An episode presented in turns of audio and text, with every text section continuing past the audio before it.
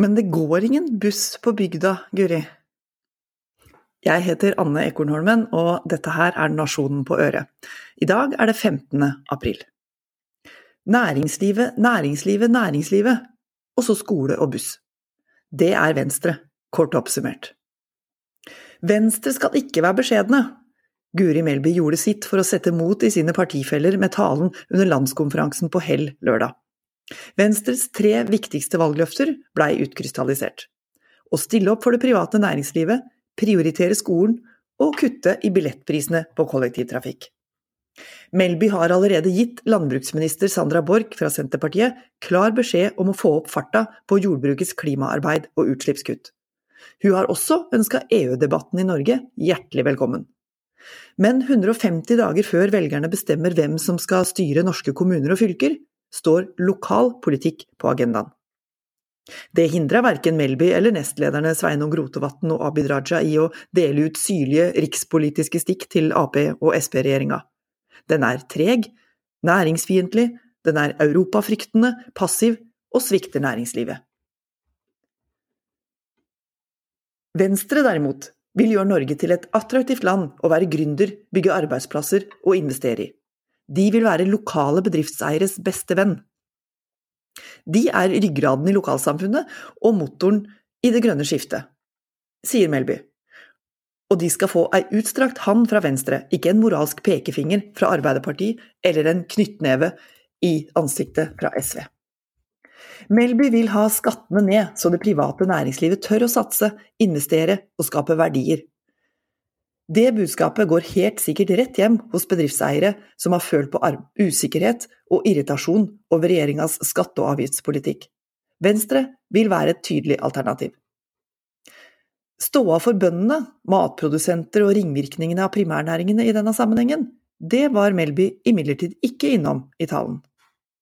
Næringsminister Jan Christian Vestre fra Arbeiderpartiet reiser rundt med mer retorikk enn ny politikk, påpekte Melby.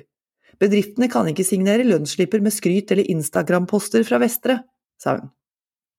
Kommunene der Venstre får makt, skal være serviceinnstilt, er lovnaden. Folkevalgte skal være ombudspersoner som heier på næringslivet.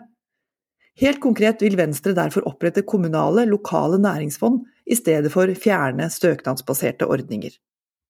Alle bedrifter bør også få en fast kontaktperson de kan henvende seg til. Det er det garantert mange som kan tenke seg.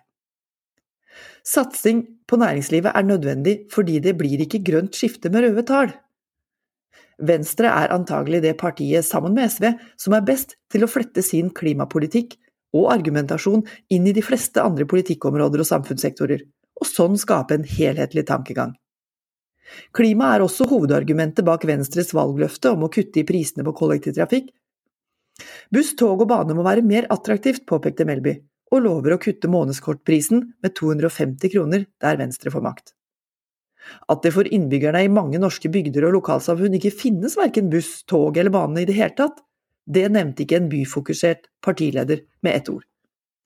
Distriktspolitikk og geografiske forskjeller er altså ikke et hovedfokus for Venstre i denne valgkampen. Kjøp billett, ikke bensin, sa Melby.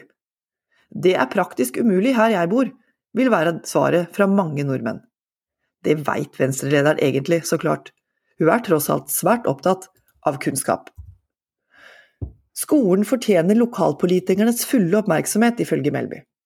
Venstres tredje valgløfte er å prioritere opp skole i alle kommuner. De vil, sitat, fjerne de rød-grønnes postnummerdiktatur, sitat slutt. Altså gi videregående elever fritt skolevalg, og styrke laget rundt lærerne med skolehelsetjeneste, miljøarbeidere og psykologer. Det er et valgløfte mange lærere, rektorer, foreldre og elever helt sikkert applauderer høylytt. Mens kommunedirektører over det ganske land, de vil måtte leite febrilsk på sine budsjetter etter penger til å oppfylle. I dag styres to kommuner av venstreordførere. Partiet har mål om å øke det tallet til ti etter september og komme til makta som del av et borgerlig flertall i de store byene. Når næringsliv, skole og kollektivtrafikk, med klima som overbygning overalt, er partiets oppskrift på å vinne valget, svarer de godt på det venstrevelgerne er opptatt av, ifølge en undersøkelse i Aftenposten. De rangerer miljø og klima som den aller viktigste saken, fulgt av skole og utdanning, med økonomi og arbeidsliv som tredje viktigst. Om Melby og co. kan overbevise flere av de 96% av befolkningen som ikke er venstrevelgere i dag, det er usikkert. Men som partilederen konkluderte lørdag, det er ingen grunn til at Venstre ikke skal ha god sjøltillit. Nå har du hørt Nasjonen på øret. Jeg heter Anne